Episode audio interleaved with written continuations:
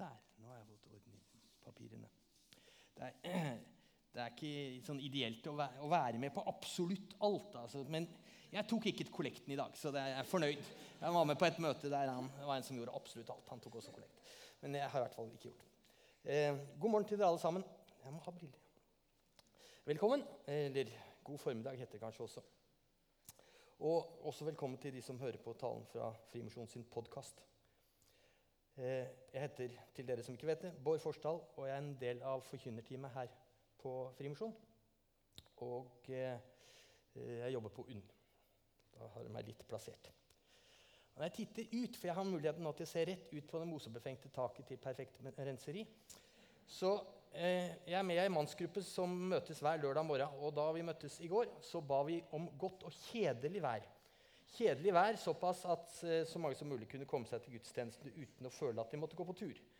Jeg syns vi har blitt i overmåte eh, Det var tatt litt for mye i, syns jeg. Men, men. Eh, vi skal fortsette med den serien vi har om trosbekjennelsen. Og vi har beveget oss nå to tredjedeler gjennom trosbekjennelsen. Og vi har da allerede lest den sammen, så vi skal ikke gjøre det nå. Men jeg lurer på hvor mange av oss som kan den utenat etter at vi har hørt den syv søndager på rad. Og nå er vi da kommet fram til avsnittet som begynner med 'Jeg tror på Den hellige ånd'. Og Jeg skal da snakke om det å tro på Den hellige ånd. Og når jeg sier at jeg tror på, så betyr det at jeg lener meg på. Det er det jeg gjør når jeg sier at jeg tror på Den hellige ånd. Jeg lener meg inntil både for å få støtte, mot, varme, inspirasjon og håp. Og det er Den hellige ånd som åpner Bibelen og gjør Jesus levende for meg. Da vi i forkynnertimen skulle fordele mellom oss hvem som skulle si hva For det er klart at Ellen Merete hun kan ikke, som er pastor her, hun kan ikke tale hver søndag, selv om det hadde vært veldig bra, synes jeg. Når vi fordelte mellom oss, så var det ikke akkurat jeg som spratt opp og ropte at 'dette temaet her vil jeg ha'. Ikke i det hele tatt. Jeg syns nemlig det er litt vanskelig å sette presise ord på det jeg skal snakke om nå. Og jeg har da måttet ty til hjelp. Og jeg har fått litt hjelp fra fire norske frikirkepastorer, én svensk pinsepastor og en tidligere pave. Så man skal ikke si noe på kvaliteten av de som har hjulpet til. Så det går, står ikke på dem, i hvert fall. Paven har jeg ikke snakka med sjøl. De andre har jeg snakka med sjøl. Nesten. Og noe av det som gjør det litt vanskelig å snakke om Den hellige ånd, er at, er at han, og jeg sier han med, i, visshet, i vissheten om at han ikke er et dekkende begrep. Den hellige ånd er ikke en mann, men det er Den hellige ånd. Men for praktiske skyld så sier jeg han innimellom. da. Jeg syns han er litt vanskelig å definere. Jesus gikk omkring her som menneske, og det er ikke så vanskelig å kjenne seg igjen i det å være et menneske. Og Gud den allmektige den har jeg et intuitivt bilde av. Altså, Gud fersker overalt.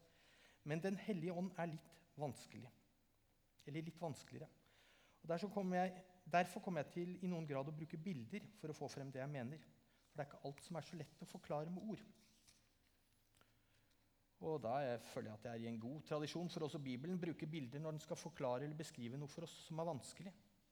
Jesus brukte f.eks. lignelser når han skulle tydeliggjøre det han mente. Og Der var den. Og jeg skal, Vi skal begynne med å lese to skriftsteder. Det første skriftstedet er fra Johannes evangelium, kapittel 14, vers 7. Det er dette han sier til disiplene like før han er i ferd med å dø. Da sier han, 'Men jeg sier dere sannheten. Det er det beste for dere at jeg går bort.' 'For dersom jeg ikke går bort, kommer ikke talsmannen til dere.' 'Men går jeg bort, kan jeg sende ham til dere.' Jesus sier, 'Det er til det beste for dere at jeg går bort, slik at talsmannen skal komme.' Jeg er ikke så sikker på at de oppfatta det sånn akkurat da, at det var til det beste. Men når Jesus mener at det er en gave til oss, så vil det være lurt å ta imot. Men så er det sånn med Gud at han presser seg ikke på. Han venter tålmodig på en tillatelse på å få komme. Det andre skriftstedet er apostlenes gjerninger, kapittel 2, vers 1-4. Bare snu meg og se at jeg klarer å trykke rett. Ja. Da pinsedagen kom, var alle samlet på ett sted. Plutselig lød det fra himmelen som når en kraftig vind blåser, og lyden fylte hele huset hvor de satt. Tunger som av ild viste seg for dem, delte seg og satte seg på hver enkelt av dem.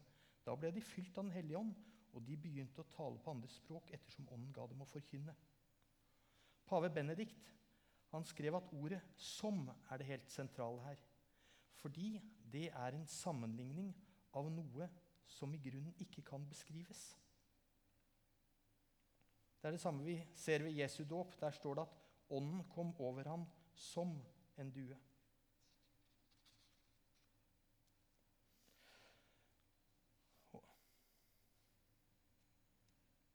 Så Når Bibelen skal fortelle oss noe, så bruker den også bilder for at vi skal kunne forstå bedre. Vi forstår nemlig på forskjellige måter. En måte er matematikkens logikk og rasjonalitet. To pluss to er fire. Men vi har også en følelsesmessig forståelse for ting som matematikken ikke er så god på å forklare. Når det logiske ikke alltid strekker til. Og når kirkefedrene, altså de riktig gamle kirkefedrene snakket om treenigheten, og treenigheten er Gud Fader, Jesus Guds Sønn og Den hellige ånd, så benyttet de et gresk uttrykk som heter perihoresis. Ingen garanti for at uttalen er rett. Men dette, dette er da et, et bilde da, som eh, forsøker å illustrere det ordet. Og ordet henspeiler seg på bevegelsene i en dans.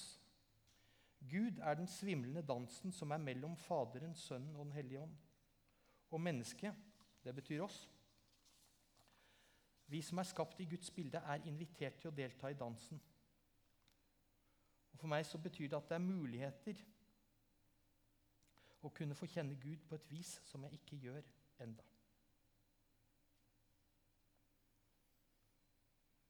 Jeg vet ikke hvordan det er med dere, men eh, det man leter etter, det er det man finner. Og jeg har vært spesielt opptatt av Den hellige ånd de siste ukene. Og i veldig mye av det jeg har lest, så handler det nettopp om, Den hellige ånd. Både i Bibelen og i de bøkene jeg har lest. Og så plutselig så dukker det opp da et veiskilt som peker eh, på det samme. I forrige uke så gikk jeg og Merete, kona mi, forbi det her skiltet her. Og det er flere skilt, da. Men det står bl.a.: 'Pathway to the Holy Spirit'. To kilometer. Um, og betegnende nok så hadde vi for dårlig tid til å følge den stien.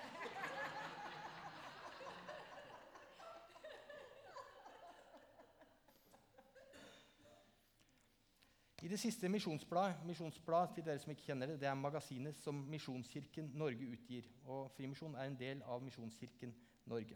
Dette er siste utgaven, og hun der bildet av det her heter Siri Iversen. Hun er ny generalsekretær. Hun er et fyrverkeri av ei dame.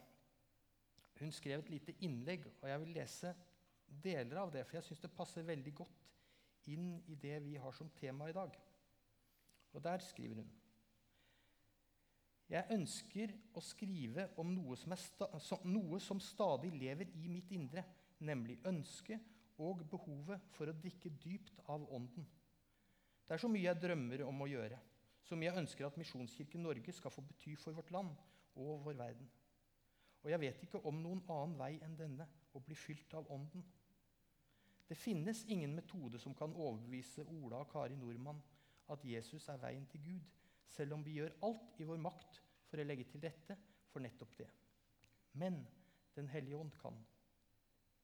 Det er ingen andre som kan skilte med ånden. Det er kun Guds menighet, Kirken, som kan det. Derfor tenker jeg at vi er i behov av å drikke dypt av den Guds ånd som faktisk er tilgjengelig. Slik at når mennesker søker noe mer, så er det faktisk Kirken de oppsøker. For det er der de finner åndens folk. Det dreier seg ikke om grader av karismatiske uttrykksmåter eller hvor høyt du løfter hendene. Det handler om Guds kraft og tilstedeværelse i hver enkelt. Fordi det er ingen andre enn Guds menighet som kan være åndens folk. Og da må vi også tro at ånden er i farta og med oss.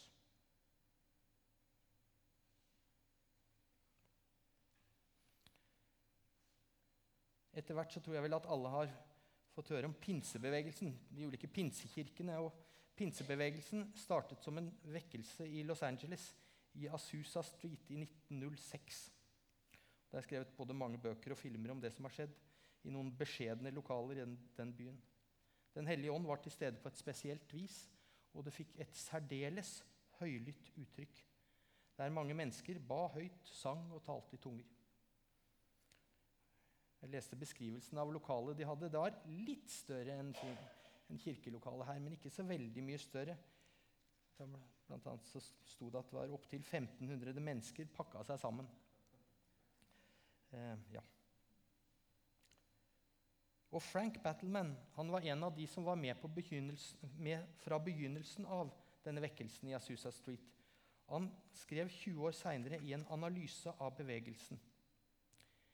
Og På engelsk så skrev han «It's a vital error to substitute the light for heat». Det er en stor feil å la lyset vike plassen for opphisselsen.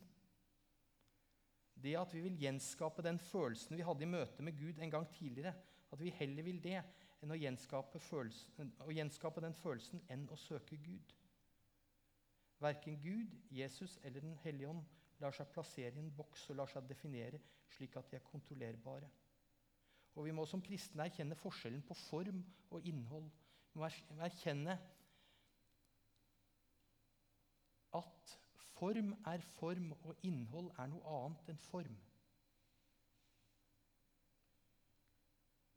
Jeg har vært glad i musikk og, og, og opptatt av musikk i mange år. og jeg har da opplevd at noen av de sangene som ga meg en inderlig opplevelse av Gud i min ungdom, det er ikke nødvendig å repetere alle de samme sangene. Den hellige ånd har ikke behov for de sangene der. Han finner nye sanger som passer bedre til, til noen tiår etterpå. altså. Har ikke, han har heller ikke behov for at vi står på en spesiell måte, at vi alle må samle oss lengst fram i lokalet eller lengst bak eller hvor som helst. Uttrykket betyr ikke noe. Det som betyr noe, er at vi søker Gud, og at vi overgir oss til ham. Det er oss han vil ha. Det er derfor Jesus kom til jorda og ga livet sitt for oss alle sammen. Han gjorde det før vi kjente ham. Og På samme vis er det med Den hellige, eh, på samme vis er det med Den hellige ånd. Den hellige ånd ble gitt til alle de som tror. Før vi trodde. Det er ikke noen A- eller B-lag av kristne der A-laget har tilgang på Den hellige ånd, og B-laget ikke har det. Den hellige ånd kom til alle troende. Hva vi gjør med det, det er en annen sak. Hvordan vi lar det forme oss, det er en annen sak.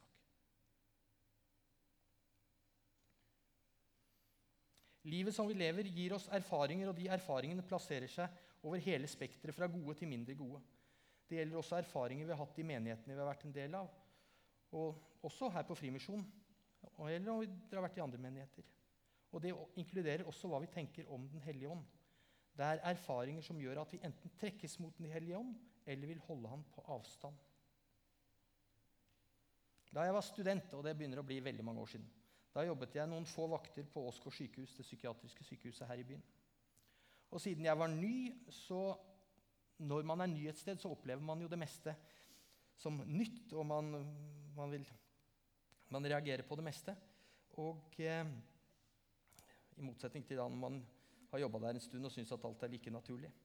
Men de få vaktene jeg jobba der, så oppdaget jeg relativt fort at de som var innlagt som pasienter, de snakket om Gud og om djevelen.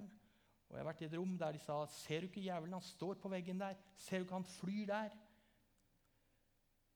Og stort sett så gjorde alle vi som, som eh, jobba der, vi ignorerte det. Vi snakka det bort, eller vi ignorerte det. Og det her satt i meg, for jeg syntes det var så rart. Og jeg gjorde ikke noe annet, jeg heller. da, må jeg si det. Men for noen år siden så tok jeg det opp med en av sykehusprestene og fortalte at jeg syntes det var så rart at det ble ignorert av personalet, det som så voldsomt opptok de som var innlagt. Hvordan skal vi da kunne møte andre mennesker i behovene deres hvis vi ikke møter dem på det de forteller oss om? Og Da refererte hun til tidligere biskop Kjølås, som hadde, som hadde tenkt på akkurat det samme, og han kalte det for høydeskrekk. Smak litt på det ordet. Man turte ikke å gå inn i det fordi man hadde høydeskrekk. Jeg tror det er også noe vi kan få i kristne menigheter. Det at vi unngår å gå inn i ukjente terreng, unngår å gå inn i mysteriet, det som vi ikke helt kan forstå. Men Jesus har sagt til oss at det var til det beste for oss at Den hellige ånd kom.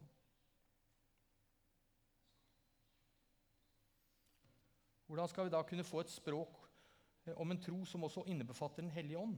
Vi må faktisk gå til Bibelen og lære eh, der først, for så å erfare. Og Paulus har skrevet om det som er Den hellige ånds gaver, eller frukt. Galaterne 5, 22-23 så står det Men åndens frukt er kjærlighet, glede, fred, overbærenhet, vennlighet, godhet, trofasthet, ydmykhet og selvbeherskelse. En episode som henger i meg fortsatt etter mange år. Det skjedde noen dager etter at vi hadde fått vår første sønn Anders. Han ble født her i Tromsø og ble fløyet til Rikshospitalet tre, dag, nei, tre timer gammel. Og vi opplevde det hele som veldig dramatisk. Og Noen dager senere så husker jeg at jeg og Merete vi satt og ba sammen. Og det var definitivt ikke noen avanserte ord som ble formet i bønn snarere en fortvilelse som kom ut.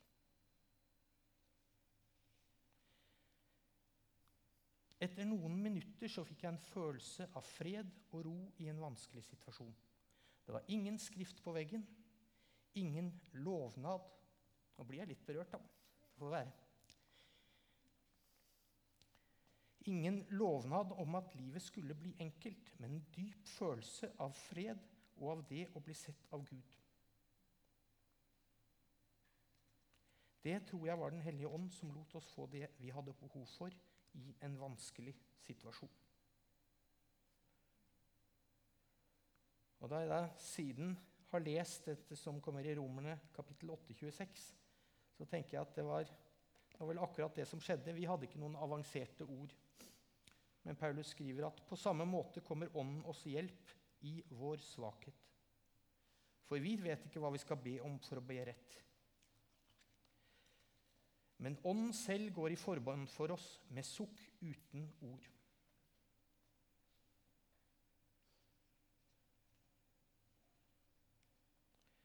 Jeg spurte Ellen Merete, pastoren vår, om hvordan Den hellige ånd leder oss. Og Da svarte hun med et filmklipp. og det her er da fra filmen 'Ratatouille'. Dere har vel antagelig sett den, eh, alle sammen. Men det er da om en, om en eh, oppvaskgutt som ikke kan noen ting om mat, og en rotte som er veldig flink, en veldig flink kokk. Og Det er ikke teksten som betyr noe her, det er bare det er bildene. Så det er ikke tekst da, eller noen ting. Så Rune, vær så god. Are you sure? That recipe was a disaster. Gusto himself said so. Just the sort of challenge a budding chef needs. Sweetbread a la gusto. Sweetbread cooked in a seaweed salt crust with cuttlefish tentacle, dog rose puree, gooey duck egg, dried white fungus, and chovy licorice sauce. Uh, I don't know this recipe, but it's gusto, so... Lalo! We have some veal stomach soaking, yes? Yes, veal stomach, I get that. Veal stomach?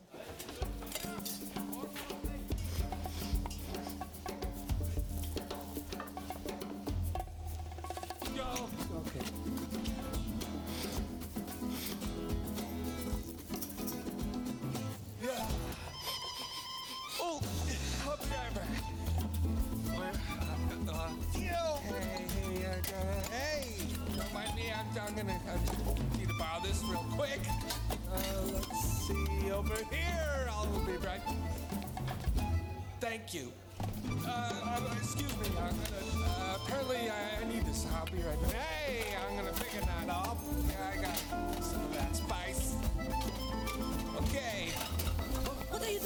supposed to be preparing the gusto recipe. This is this is the recipe. The recipe doesn't call for white truffle oil. Else have you been... You are improvising. This is no time to experiment. The customer are waiting. You're right. I should listen to you. Ouch. Stop that. Stop what? Freaking me out. Whatever you are doing, stop it. There is a special order. Coming! I thought we were together on this. We are together. Then what are you doing? Very hard to explain. Come get it! Oh, oh, oh, I forgot the anchovy livers.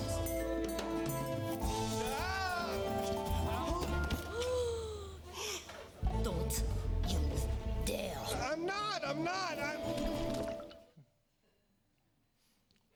It's very hard to explain. Det hadde kanskje vært enklere om Den hellige ånd ledet oss på dette viset. Men vi kan legge til at svært få opplever akkurat det. Det er alltid en fare med å definere noe for at vi lettere skal forstå det. Faren er at vi reduserer noe til en så liten størrelse at vi kan kontrollere det. Jeg husker en diskusjon jeg hadde med en kvinnelig teolog etter at boken 'The Shack', eller den som heter 'Skuret', kom ut på norsk. Det er også finnes som en film nå. Og Forfatteren eh, beskriver at hovedpersonen får en opplevelse der han går sammen med Gud, Jesus og Den hellige ånd. Jesus har på seg en overroll, er en gartner, og den den kvinnelige teologen jeg snakket med, sa at om vårt bilde av Jesus var at han var en snill gartner, så hadde vi satt han i en boks. Og når vi hadde satt han i en boks, så kunne vi kontrollere han. Men vi kan ikke kontrollere noe som helst i treenigheten. Jeg liker godt C.S. Lewis og to små sitat fra han i dag også. Det er hentet fra den første Narnia-boken, 'Løven, heksa, klesskapet'. Og I Narnia-bøkene så representerer løven Aslan Jesus. Han er en, løve. da. Og når en av hovedkarakterene i boken, som heter Lucy, får høre, Aslan, får høre om kong Aslan, så antar hun at han er et menneske. Når hun da får høre at han er en løve, så spør hun betyr det at han ikke er helt trygg. Trygg, svarte herr Bever. Hørte du ikke hva fru Bever forteller deg? Hvem er det som har sagt noe som helst om å være trygg? Selvsagt er han ikke trygg, men han er god. Han er jo kongen, sier jeg. Og I et senere avsnitt så sies det om Aslan, men du må huske på å ikke presse han. Han er vill, skjønner du. Ikke som en tam løve. En tam løve gjør som du vil.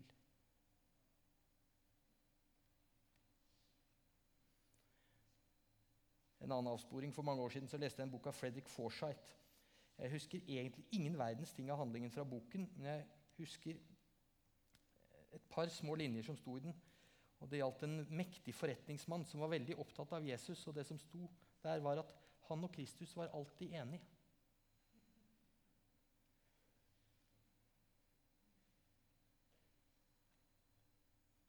Da er det en fare for at det er noen andre som leder enn Kristus, i hvert fall. Jeg var en gang for mange år siden på interrail i Paris med en veldig god venn av meg. Vi gikk innom Notre-Dame-katedralen og ble slått over hvor stor den var, utsmykning, historie, alt sammen. Vi var kjempeimponert sånn, og syntes at alt var flott. Og Så gikk vi inn i et lite sideskip. og Der satt det kanskje 20 mennesker som satt på noen stoler og ba sammen. Og Der satte jeg meg ned og fikk lov til å be sammen med dem. Der var også Den hellige ånd. Den stunden ga et fellesskap med andre mennesker som også var der i bønn. Uten at jeg kan huske at jeg snakket med noen av de andre. Men det å være kristen er å ha samfunn med andre kristne og ha et fellesskap med andre kristne. Og det å få lov til å tro på Jesus som vår frelser, det er også å få lov til å være med på den dansen sammen med Gud Fader, Jesus, Guds sønn og Den hellige ånd. Det er å få leve livet sammen med vår skaper. Et siste bilde skal dere få. Jesus har en lignelse i evangeliene der han forteller om en pottemaker som jobber med leiren. Og Pottemakeren han bruker den leiren til å få det han vil ha. Og Han knar og han knar, og, og han former denne leiren. Om det blir en kopp eller krukke eller hva. Og om noe går feil, så begynner han på nytt. Og en, en pottemaker trenger vann for å kunne forme leiren. Og den, Denne lignelsen som Jesus fortalte, dreide seg om mennesker og hva Gud gjør. Og det er Den hellige ånd som er det vannet pottemakeren trenger for å få formet leiren. Dallas Willard, en kristen filosof fra USA, han skrev dette. The most important thing in your life is to is not what you do. It is who you become. That is what you will take into eternity. Det viktigste i livet ditt er ikke hva du gjør, men det er den du blir. For det er det du tar med deg inn i evigheten. Det jødene var mest stolt over, var at de hadde loven. De hadde fått de ti bud fra Gud på Sinais fjell, fjell og de kunne derfor kalles for lovens barn. Men når Den hellige ånd kommer på pinsedag, så blir lovens barn til løftets barn. De ordene som var risset inn i stein, ble isteden risset inn i menneskenes hjerter. Denne dagen ble det sluttet en pakt som ikke bygget på bokstav, men på ånd. Når den Gud som talte i torden og ild på Sinais fjell, lar sin ild tenne i disiplenes hjerter til susing av en kraftig vind, da har loven fått sin oppfyllelse.